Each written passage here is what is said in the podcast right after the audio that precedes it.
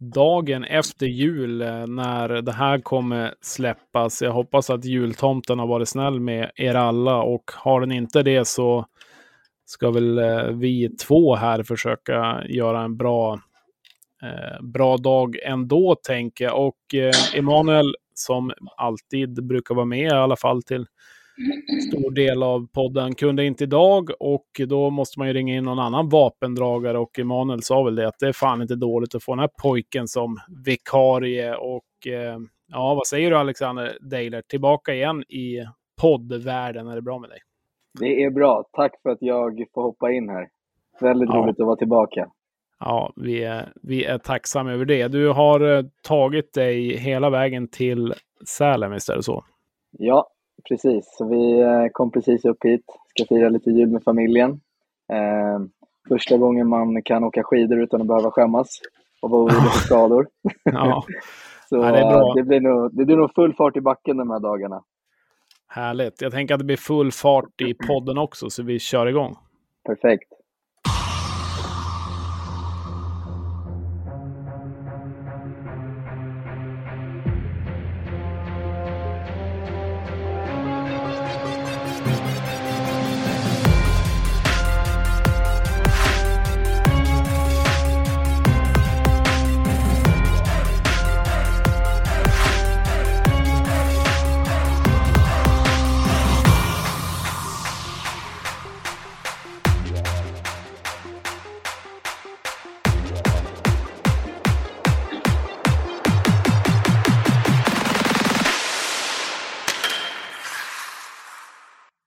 Sådär, stolpe in eller kanske ribba in som man avslutade med. Har du gjort det någon gång i karriären, Deilert? Många stolpe ut.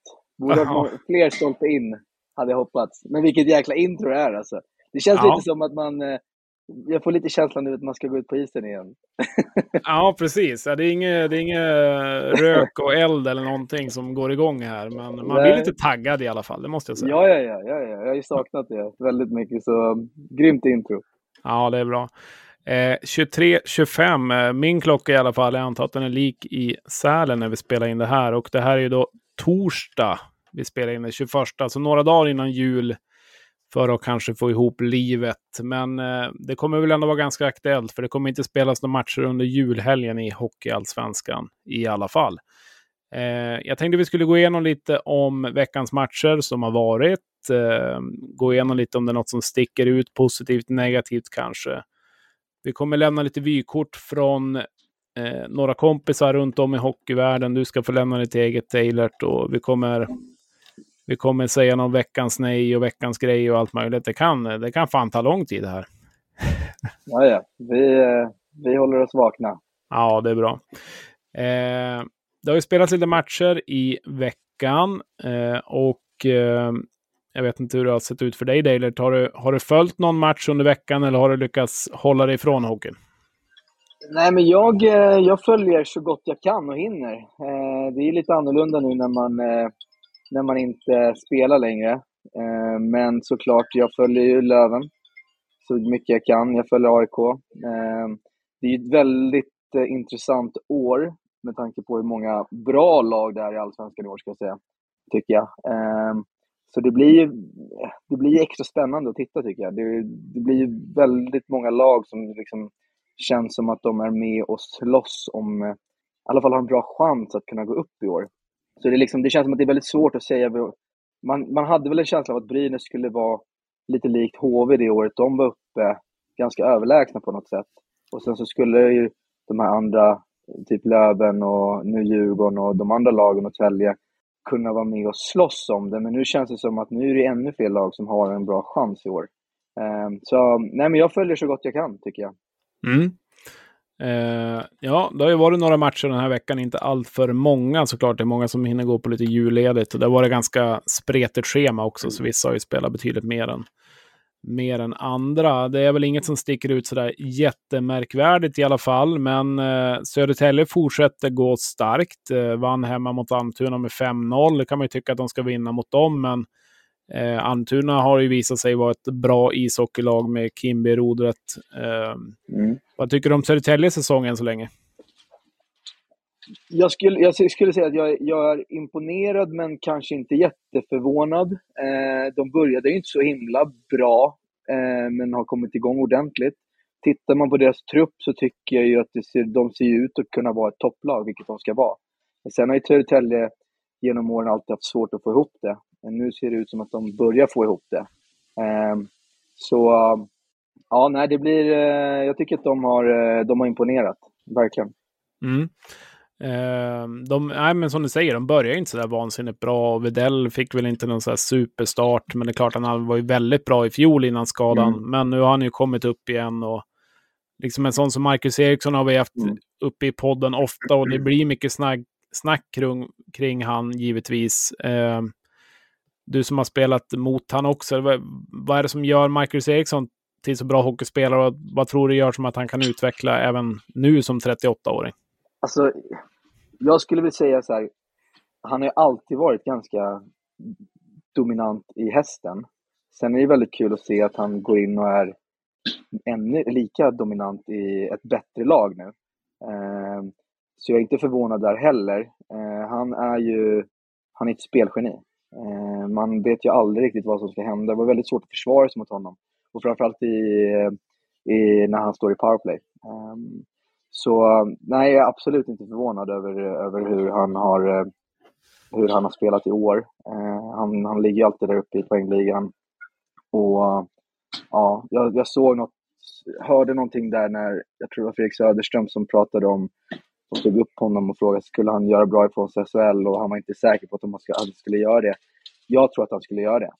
Ålder, eh, det, tar man för mig, som mig som exempel, jag hade mina bästa år i slutet av karriären när jag var lite äldre och han ser onekligen också ut att bara bli bättre med åldern.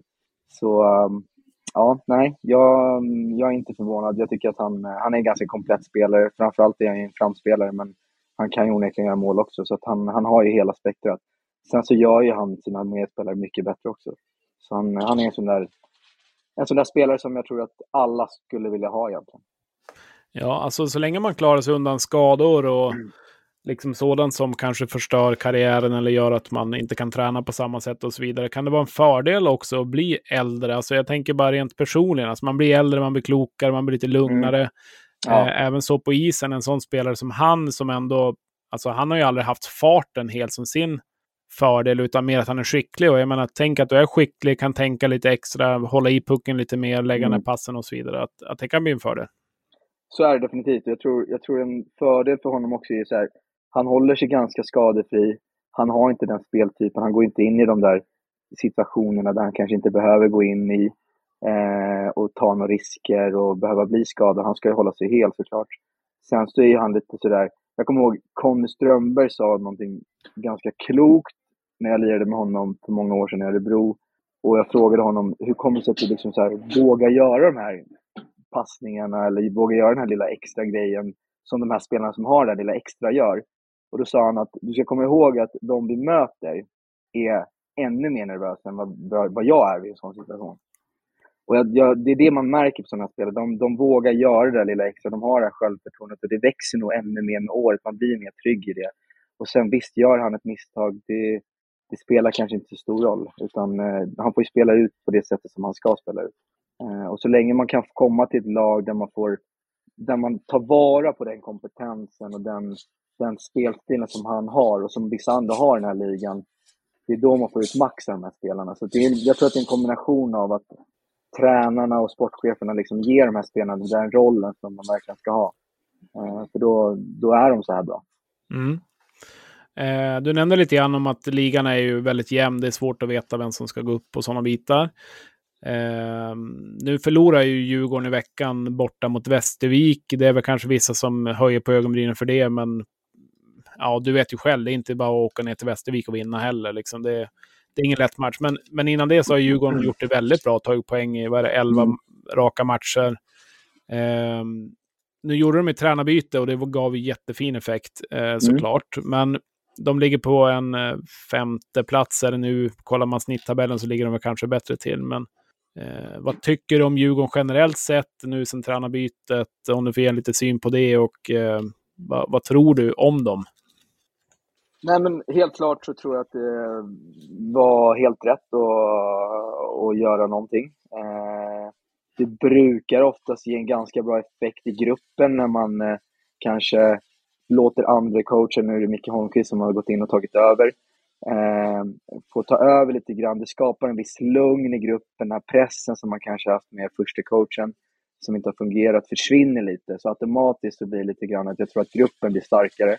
Eh, vilket jag onekligen tror att det har blivit i Djurgårdens fall också. Sen tror jag Djurgården har varit i en fas redan från i somras där jag vet att det har funnits ett missnöje bland spelarna eh, kring hur eh, allt ifrån fys och träning har skötts, eh, vilket det har gjort i många år och det ser väldigt likadant ut. Det har inte hänt så mycket i utvecklingen där vad jag har förstått. Eh, och där vet jag liksom, jag vet ju hur stark vissa karaktärer den, det laget är, bland annat kanske framförallt Kryger då, och Brodin mm. de här ledande spelarna som har gått in och liksom tagit över. Jag tror, att, jag tror kanske inte Micke har behövt ta så stor roll, utan mer kanske låtit spelarna få lösa det, vilket, eh, vilket jag kan tro, tro kan vara bra i många fall. Eh, sen i längden så, så, tror jag såklart att man ska ha en första coach som liksom går in och styr upp allting, eh, framförallt när ett slutspel kommer. Men eh, de har ju de, har ju de här karaktärerna, de här spelarna som, liksom, som har rutinen och erfarenheten. Så att de, eh, de har ju också en trupp som egentligen, ja, de har ju lika bra chans som eh, många av de andra lagen har också. Så ja. jag, jag, jag är inte förvånad över att de börjar gå bra nu också. Och jag tror att det är för de flesta lagen som har en, har en bra trupp att liksom så här, nu, nu i mellandagarna, nu efter jul, nyår, det är nu man börjar märka att det börjar bli, det börjar, det börjar bli allvar. Liksom. Eh, nu börjar man preppa för ett slutspel nästan. Så rent mentalt så tror jag att de är i ett bra läge att eh, gå in i ett slutspel och, och fortsätta på det här spåret som de är inne på. När det väl börjar vankas eller pratas och man kollar, är saknar man hockeyn extra mycket då eller? Ja, men det gör jag absolut. Eh, framförallt, jag saknar inte november, för det är den värsta månaden att spela. eh, Framförallt i Umeå va? Ja, ja, ja, nej, jo, mörkt. nej. Det är mörkt. Men jag har varit i Haparanda så det var ännu mörkare i Asplöven där. Men, eh, nej, men så är det Det är mörkt i, i, i november för alla lag och det är ett lunk. Eh, och även lite in i december. Men som sagt, jag tror att det är nu man börjar tagga till lite grann. Och, ä, även om ett slutspel är på spel, jag kommer här snart, så, så, är också, så vet jag också så av erfarenhet att man börjar titta lite på sitt eget, sin egen situation, sitt, sitt eget kontrakt. Man vet att det är oftast i slutspel att man behöver vara som bäst om man ska ha ett nytt kontrakt någonstans eller få vara kvar någonstans. Eh, så att jag tror de flesta börjar liksom tagga till här efter, eh, efter uppehållet egentligen. Dags att visa framfötterna på riktigt. Absolut. Eh, lite med Djurgården, men eh, de eh, valde ju, eller de gick ut med i alla fall häromdagen att Niklas Wikegård är tillbaka. Först var det initiala uppgifter att han är ny sportchef, men han ska i alla fall vara sportsligt ansvarig. Så exakt hur de kommer dra den rollen, det är väl inte kanske hundra så. Eh, har du sett det och vad tänker du om det? Ja, men absolut. Eh, det har man ju följt. Eh, och det är svårt att säga. Jag vet inte hur, hur, pass, mycket, hur pass involverad han kommer vara i, i själva spelet. Och självklart ska de säkert värva någonting här på, mot slutet också. Eh, men jag tror framförallt att han kommer komma in och bidra med mycket karaktär och mycket, alltså, lite kravställning på hur, hur det ska skötas här framöver. Mm. Eh, och som jag var inne på, ska man gå in i ett slutspel så behövs det ju, behövs det ju en ledar, typ som, eh, som, som drar i de spakarna också. Det, det tror jag han kan vara rätt man att göra. Ehm, så, eh, sen, är sen tror jag också så här, sen är det lite upp till spelarna hur de hanterar en sån situation. Att, att få in en Wikegård som är en profil, eh, säger vad han tycker och inte drar sig för liksom eh, dra sig för att liksom eh, kanske vara, vara lite hård och, och framåt sådär och i en storklubb som Djurgården som innebär mycket press i sig, liksom, det blir kanske en press för vissa spelare också att bara känna oj, nu kommer Wikegården in här, vad händer då? Eh, men det, det, det hör till när man spelar för en storklubb. Eh, det, det är någonting som jag tror att man behöver kolla på tidigt när man värvar en trupp, vilka spelare klarar av den här pressen. Och det här blir också en typ av press. Att liksom, nu, nu, kommer det, nu kommer en ny ny ledare in här och ska styra här och då, då kommer det nog vara väldigt mycket upp till, till truppen och spelarna att liksom klara av den, den pressen också. Så det ska bli spännande att se. Eh, nu vann de ju senast, så att det, det verkar ändå, ändå rulla på hyfsat för dem fortfarande. Ja, nej men verkligen. De har gjort en bra, bra push och eh, till exempel Löven, eh, ja, Brynäs också, vissa lag har inte heller riktigt stuckit ifrån. Det har ju gjort att det blivit den här ganska jämna serien. Så jag tänker utifrån, om man inte hejar, hejar något speciellt på något lag och så, så kan det vara ganska... Det är en ganska kul serie att följa, tänker jag. Oh ja, det, det tycker jag verkligen. Och eh, nu kanske jag är lite biased här, men jag, jag tycker Hockeyallsvenskan är mycket mer intressant än SHL. Eh, just för att eh, det är så mycket som är på spel. Eh, mm. Det är så många bra lag, eh, stora lag som är i Hockeyallsvenskan, eh, som alla vill upp i SHL. Eh, och det gör ju att det hela blir väldigt mycket mer intressant, tycker jag.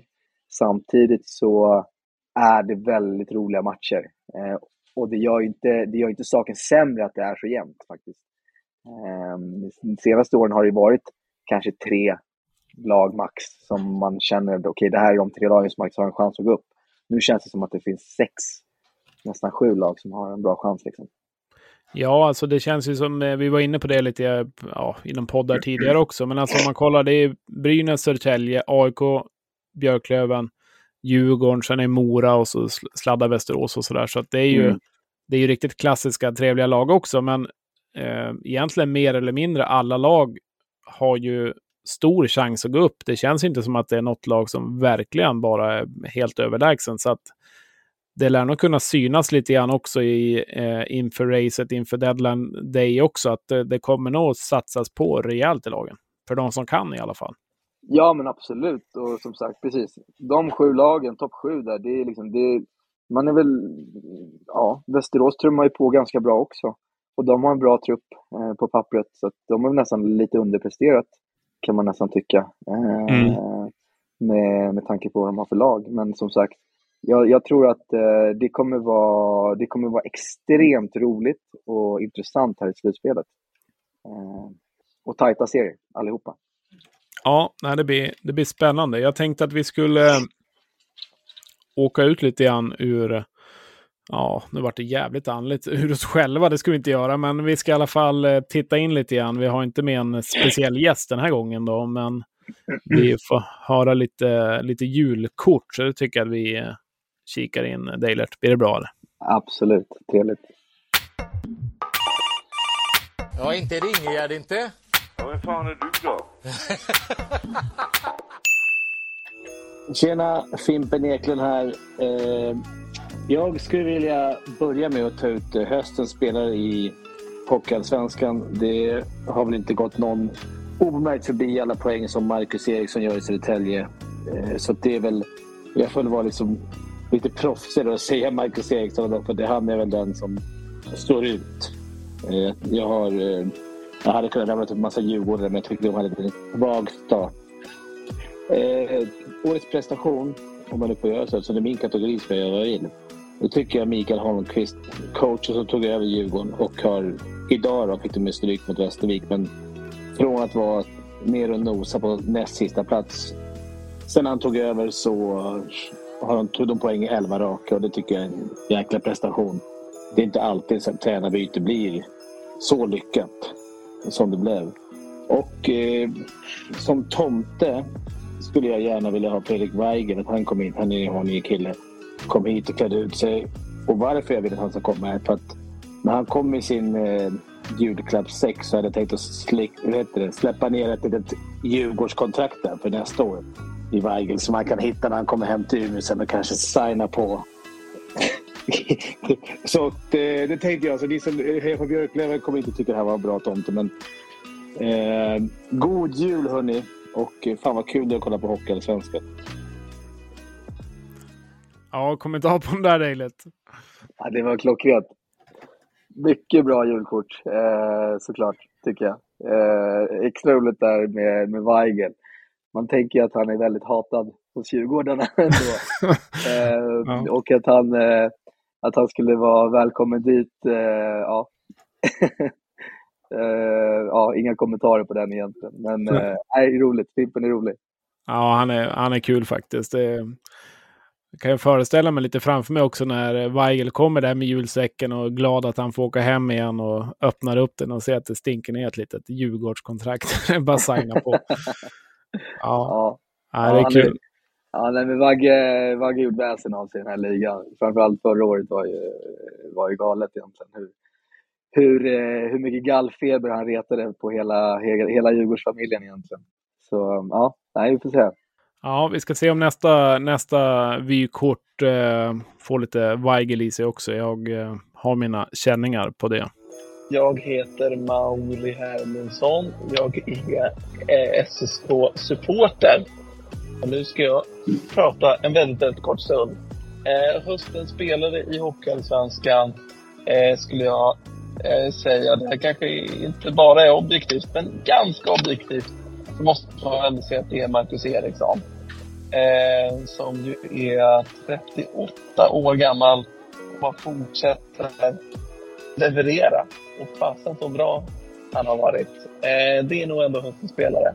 Och det tror jag ändå att man kan säga är nästan objektivt sant. Eh, höstens prestation är svårare. Då kan man ju inte ta samma namn. Eh, det är ju en makalös prestation den som, den som man gjorde i samband med SSK Djurgården från arrangemangsansvariga på olika sätt. Som alltså utrymde hela arenan och spelade utan publik för att någon i Djurgårdsklacken hade tänt någon sorts blinker. Eh, det var ju det var ju inte den, det är inte den bästa prestationen. Men det är ju ändå den prestation man, man tyvärr minns allra bäst. Eh, och sen då, det som man som SSK-supporter önskar sig till jul. Det är väl egentligen att de eh, fortsätter på det vinnarspår de har eh, tagit sig in eh, på eh, de, de senaste månaderna. Eh, det är nog vad jag önskar mig till jul. Och som en sista julhälsning så skulle jag vilja önska en riktigt god jul till alla i Sverige utom Fredrik Weigel. Okej då, god jul till Fredrik Weigel också. Men det tar emot. Ja, där... eh, det vart lite Weigel på slutet där. Ja. Ja, det tycker jag var, det tycker jag var lite kul faktiskt. Han har tagit sig in i Södertälje-fansens hjärta också på något sätt. Men det är ändå ett bra kvitto. Man vill inte vara älskad av motståndarna. Nej. Han, eh, han, har, han, har, han har gjort ett avtryck. Det, det är stort. Till och med folkkära Mauri, han, eh, han, Ja. eh, han trycker in kniven han också. Ja, det kanske blir, han kanske får vara med i något avsnitt där ja, med, med, med Mauri fram till att laga mat eller något. Ja, jag tror det. Jag tror vi har någon grej Ja. Eh, men du Deilert, du har ju fått en uppgift du också. Du ska också få prata lite i monolog och lämna din egen lite julhälsning. Och eh, du har också fått lite, eh, lite punkter. Höstens spelare, höstens grej, händelseprestation och sen har du en liten specialfråga på slutet där också. Så att Ja. when you are ready, take it away. Ja, men absolut. Eh, god jul på alla. eh, jag skulle väl säga att höstens spelare får jag ändå vara lite... I och med att jag var back, jag gillade och jag gjorde, gillade att göra poäng, så får jag väl ändå ge det till, det är svårt att uttala hans namn till och med, men i Kalmar, Tim Teocharidis heter han väl. Eh, får jag väl ändå ge som höstens spelare från sin backposition som har skrapat ihop hela 30 poäng på 27 matcher, vilket är otroligt imponerande. Eh, det är till och med över mitt snitt, skulle jag nog säga. Eh, så den vill jag absolut ge till honom. Eh, höstens prestation, eller ja, det är väl också lite svårare som Mauri sa där, men jag skulle väl ändå vilja någonstans ge den till AIK, mitt gamla lag. Jag är otroligt imponerad över hur de har tagit sig an den här säsongen. Började knackigt, likt Södertälje. Nu är man topp tre. Har väl fem raka vinster här på slutet. De har gjort en förvandling tycker jag, de senaste åren. Eh, och jag tycker att det ser väldigt spännande ut och jag tror att de har en bra chans faktiskt i år att slåss om en plats i SHL. Jag tror att det finns ännu mer att hämta där. Så jag tror att jag, jag vill ge den till, eh, till AIK i år faktiskt. Eh, och sen min sista fråga var väl, vem vill jag spela, vem är min drömpartner på en golfrunda i, i, av alla spelarna? Och jag älskar ju Weigel. Jag vet att han är kass på golf, men jag säger Weigel, för han är, eh, han är för jävla rolig. Han har en sväng som, eh, som jag tror att min mormor hade. Jag tror min mormor slår längre än honom faktiskt. Eh, Men det, det är alltid en rolig stund med Vagge. Så jag, ger, jag, jag skulle säga att min drömpartner på en golfrunda är Vagge, absolut. Ja, super. Nej, vad säger du? Det är, det är, ingen, det är ingen makalös sving från Weigel, men kul är han ju om inte annat. Ja, absolut. Han är ingen supertalang i golf, men han är för jävla rolig. Ja. Hur, eh, hur går det själv då med golfen? Du har ju eh, som sagt, du spelar inte ishockey längre, i alla fall inte på professionell nivå, men har börjat satsa lite grann på, på golf eller och svinga lite här och där brukar jag se i alla fall. Så att, eh, hur, Ja. hur går det och eh, är det kul tycker du? Ja, jag tycker jag har alltid tyckt att golf är kul. Eh, jag eh, tog väl ett eh, beslut nu när jag la av i, i våras att eh, ge golfen ett försök och se hur det skulle gå att tävla mer och träna och liksom verkligen satsa liksom och se hur långt jag kan gå. Mycket av det kommer ifrån att jag är väldigt nyfiken och eh, inte egentligen vill ligga i min grav när jag är gammal och aldrig har försökt liksom. För att jag vet att jag, jag alltid haft golfen i mig med, med, mina, med mina föräldrar som har drivit golfklubb och golfhall och min syster som spelar på damernas Europatour. Så golf är inom familjen. Men så tanken har hela tiden varit att liksom så här, jag ska ut och tävla, jag ska träna. Eh, men samtidigt har man ett liv och liksom eh, förhålla sig till också. Och, och så golfen genererar inte pengar på det viset. Nu i alla fall. Det är en investering man får göra för framtiden. Men den här sommaren har jag tävlat mycket. Eh, jag kom upp i nästan tio tävlingar med blandat resultat. Jag trodde att jag skulle kunna hantera det bättre än vad jag faktiskt gjort. Det är jävligt tufft med golf kan jag säga. Eh, jag tänkte, men vadå, jag har ju hockeyn i bakgrunden, jag är van vid press, jag är van att träna hårt. Men eh, golf är fan helt, eh, helt, alltså det är riktigt tufft skulle jag, skulle jag nog säga. Men det skulle vara tufft också. Det, var det, det är det jag vill åt. Um, så att jag fortsätter. Jag tränar på eh, samtidigt som jag också kör, eh, jag kör eget. Nu idag så nu har jag en egen verksamhet, jag är konsult och jobbar egentligen lite med media och försäljning och eh, har lite olika uppdrag eh, vid sidan om. Så att jag försöker kombinera det så gott jag kan och sen så i tanken att jag nu till eh, våren och nästa sommar då ska, ska på det igen och tävla så mycket jag kan. Så att det är en balansgång liksom att få ihop allting eh, rent ekonomiskt och, och hela den biten såklart.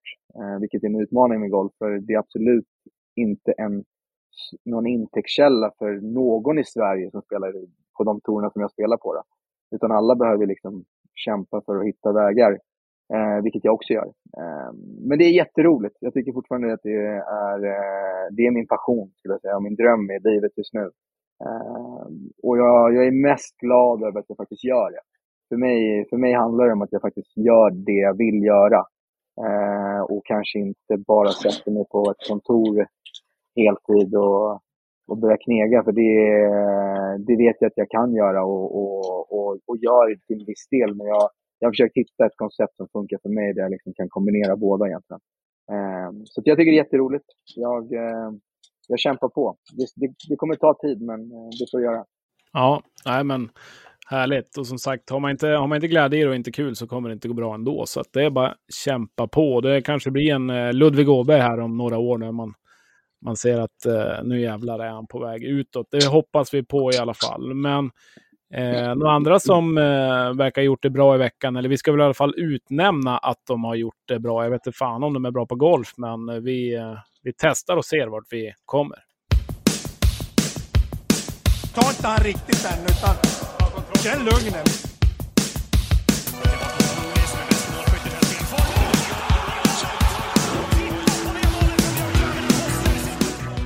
Veckans grej.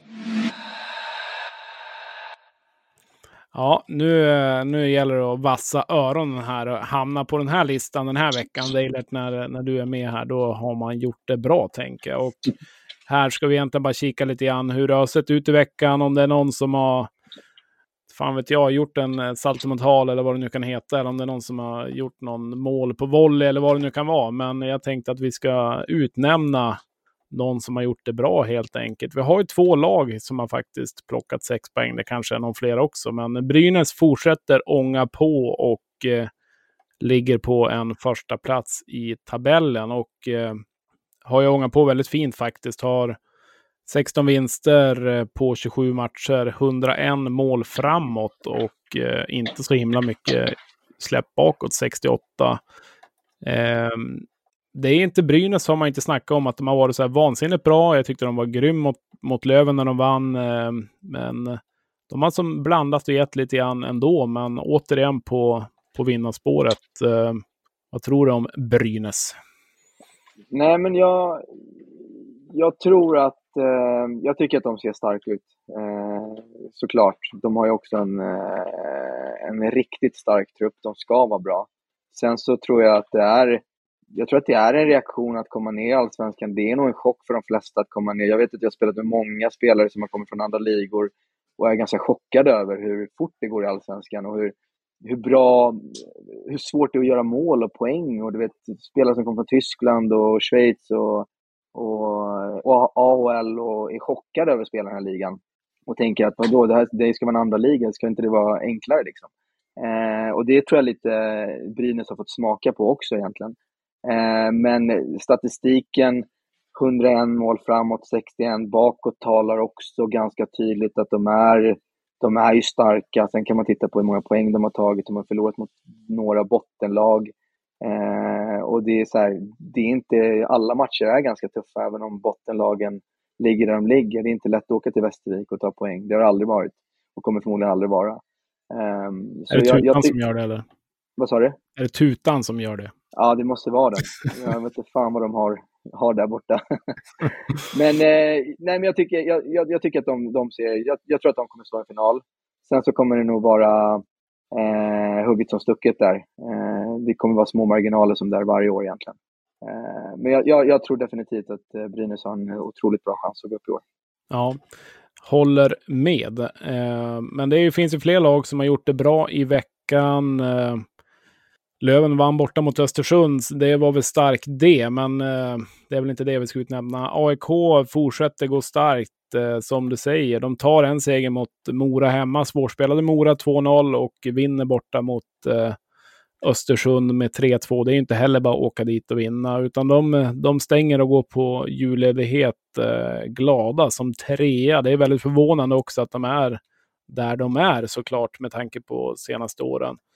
Eh, AIK följer du givetvis såklart nära, tidigare klubb och så vidare. Vad, om du bara får säga någonting om AIK och eh, liksom veckan som sådan, eh, vad, vad, du tycker om den? Nej, men som jag sa innan, jag, jag, är, jag är egentligen inte jättechockad, men ändå jag är imponerad över hur det ser ut framförallt. Jag, när de mötte Brynäs på Hovet tyckte jag att de var mycket mycket bättre än Brynäs den matchen och vann på övertid. Brynäs gjorde väl två, två mål sent där. Eh, och de visar att de kan, liksom, eh, de kan spela de här matcherna. Det, ska bli intressant här i, i mellandagarna i derbyna mot Djurgården, för där har de ju haft svårt att komma upp på den nivån som de behöver göra för att kunna vinna ett derby. Eh, men jag, jag, tycker att det finns, det jag ser som är skillnaden i år är att man fått in lite bredd och framförallt kanske fått in lite det som Löven och Kent har gjort väldigt bra de senaste åren, fått in lite amerikanare också.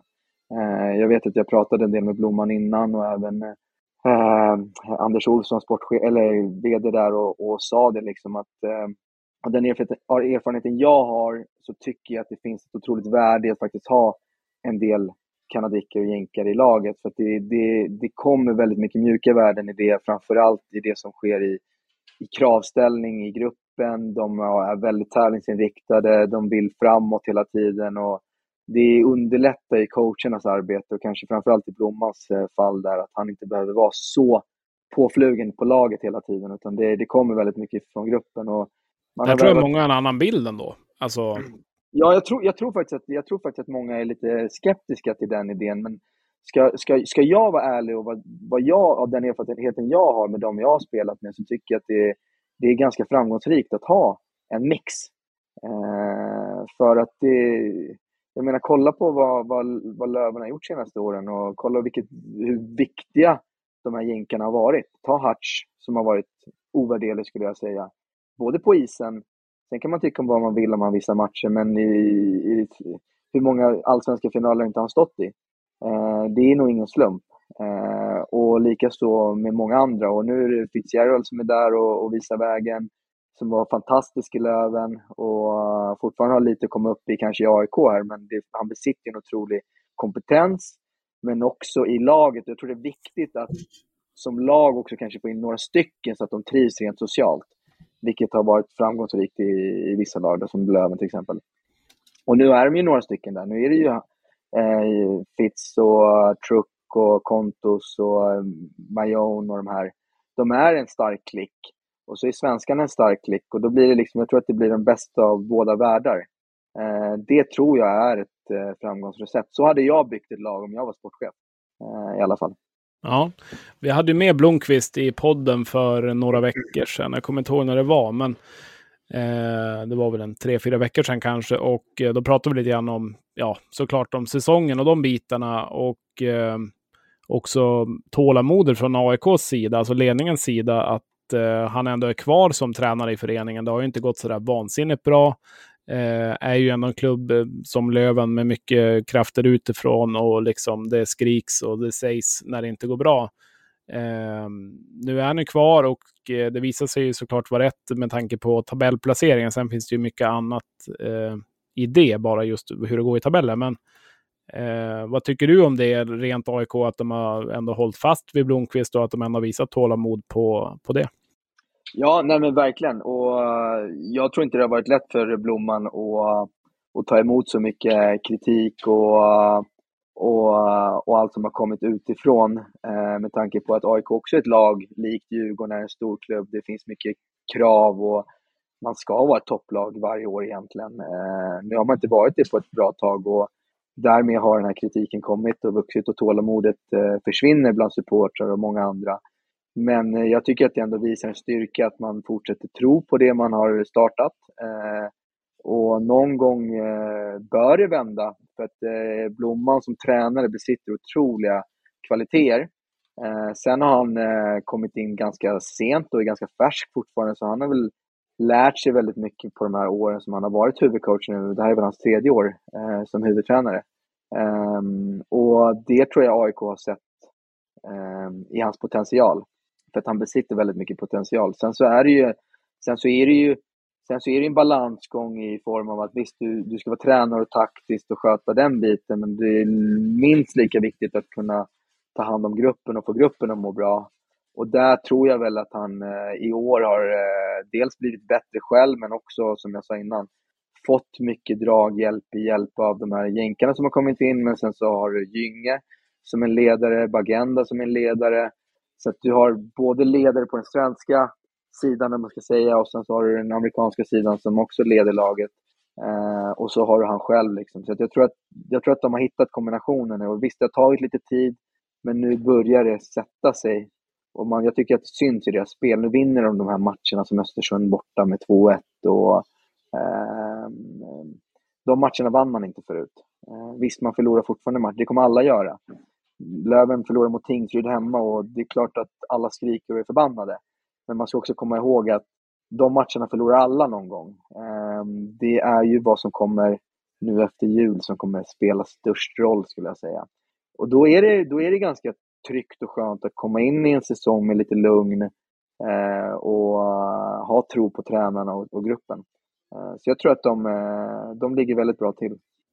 Ja, Eh, men om vi ska välja någon av de här två då, Brynäs eller AIK, hur, eh, hur gör vi då, Deilert? Ja, i, i, en final menar du? Ja, nej, men om vi väljer de här för veck veckans grej. Aha, liksom. ve Okej, okay, veckans grej. Ja. Eh, nej, men då får vi ta AIK. Jag menar, fem vinster i rad eh, tycker jag talar sitt tydliga språk. Brynäs, eh, ja, de har vunnit fyra av eh, sina senaste fem här. Ja, det är för det är dåligt helt enkelt. Det är för dåligt. Det är för dåligt. Det ska vara fem av fem om man ska vinna den där listan. Ja, nej, men då, eh, då ger vi det till AIK helt enkelt. Absolut.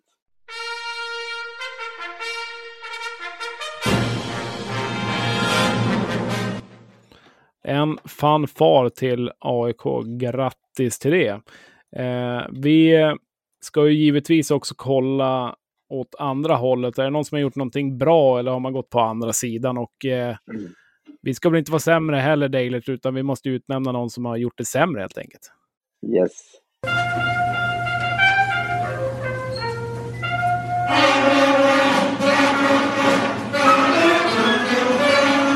Nej, nej, jag tror faktiskt inte. Nej.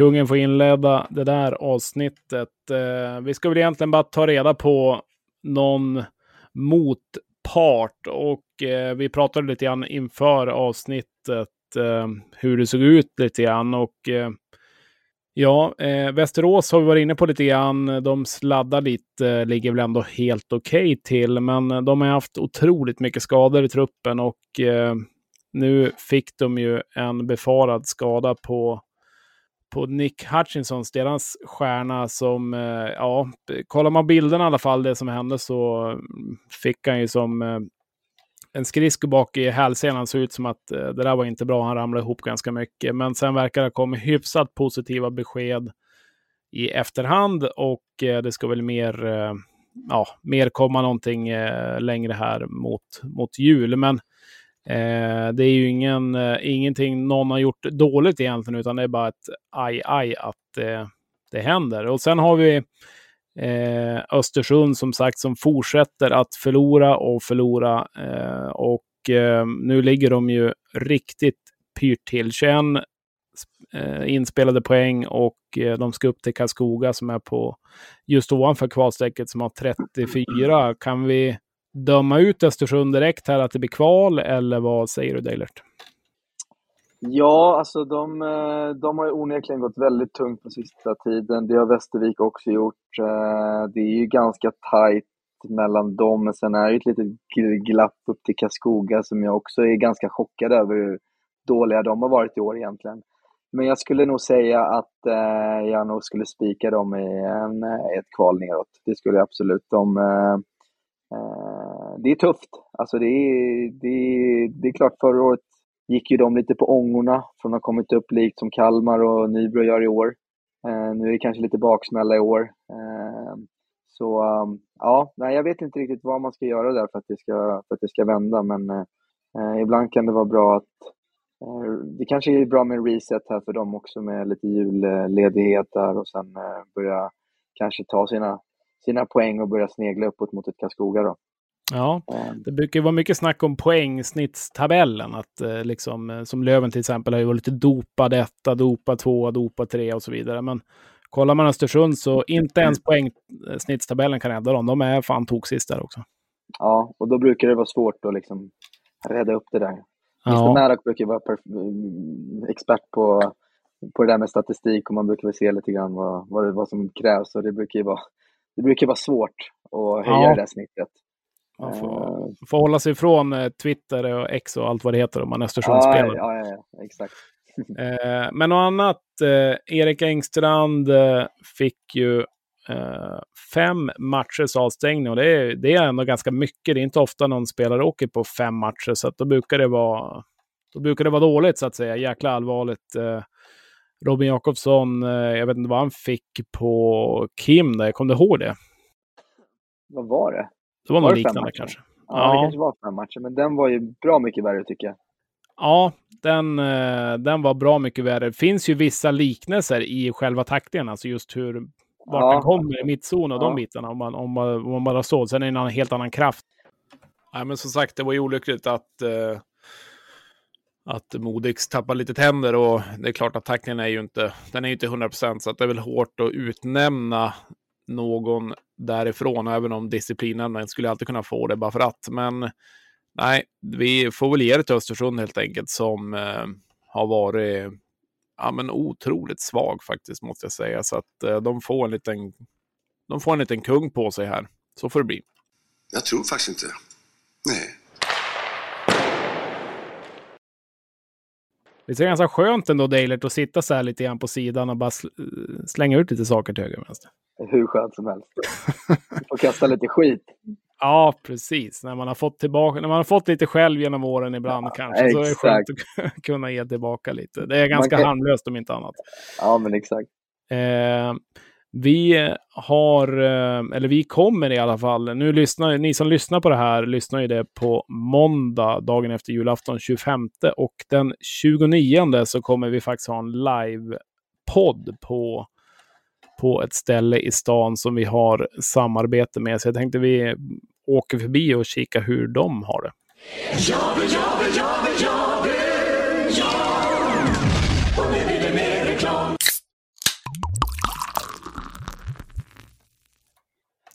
Facit bar i Umeå. Jag vet inte om du har varit där, Dalert, eller hört talas om det, men det är en, en, ett trevligt ställe som eh, går lite egen väg kan man säga. Nu har de ett plankstegshus bland annat och eh, Emil Åreng som är med och driver restaurangen och baren är ju känd, eh, känd inom drinkvärlden och allt vad det är. Men eh, ett eh, trevligt ställe. Jag vet att vissa lövare brukar vara och hänga där bland annat. Ja, nej, jag har aldrig varit där faktiskt, men jag har hört talas om det. Ja. Eh, vi har ju dem som eh, samarbetspartner och vi kommer som sagt ha en livepodd den 29 december och eh, det är snart en hundra stycken bokade till det och jag och eh, mina tre andra vapendragare Sebastian, Navid och eh, eh, Emanuel gick igenom lite körschema ikväll och vi kommer ha lite priser och allt möjligt så att eh, be there ifall ni vill det. Men om inte annat så kommer de ha på juldagen och annandag plankstek och cocktail för 450 kronor. Um, hur smakar det Dalert? Det låter riktigt gott måste jag säga. Gillar du plankstek förresten? Ja, jag älskar plankstek och drinkar.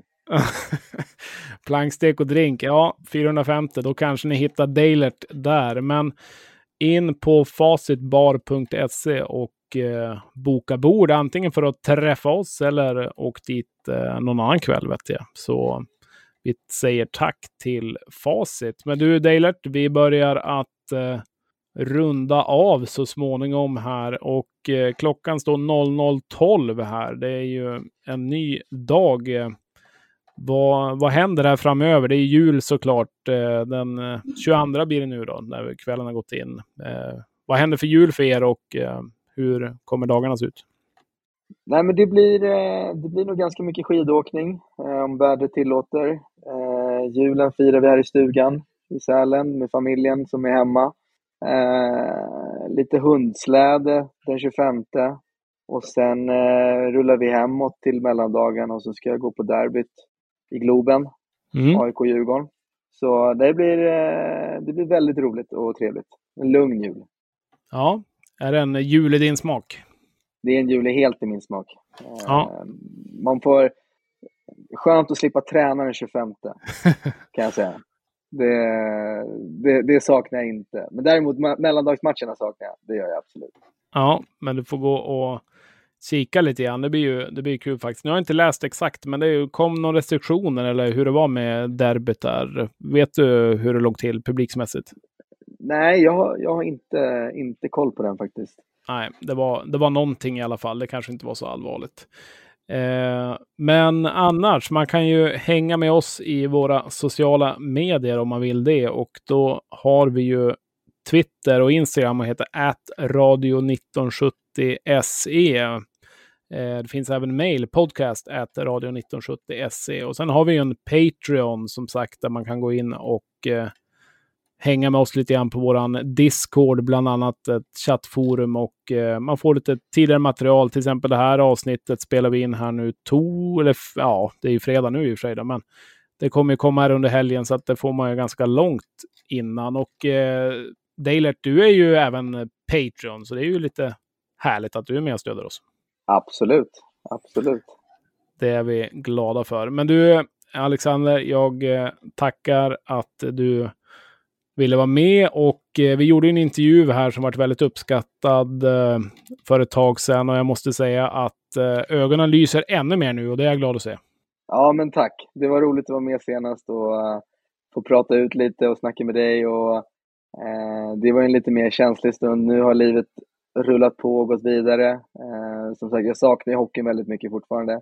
Men det finns ju väldigt, väldigt glad att man kan följa från, eh, från sidan i alla fall. Det kanske blir, eh, kanske blir någon korpen här framöver om, om hälsan tillåter. Men eh, jag mår väldigt mycket bättre idag. Det gör jag verkligen. Ja, men härligt.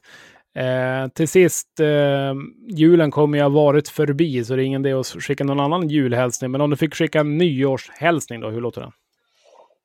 Gott nytt år allihopa. Jag hoppas att 2024 blir ett fantastiskt år för alla lövare såklart. Eh, och att eh, vi alla får det vi har längtat efter och ett avancemang till, till SHL. Det tycker jag att vi förtjänar.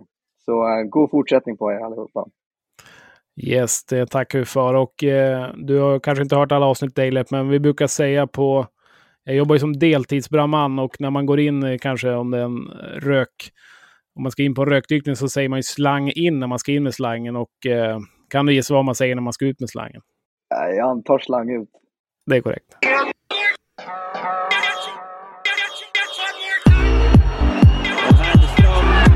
Skrot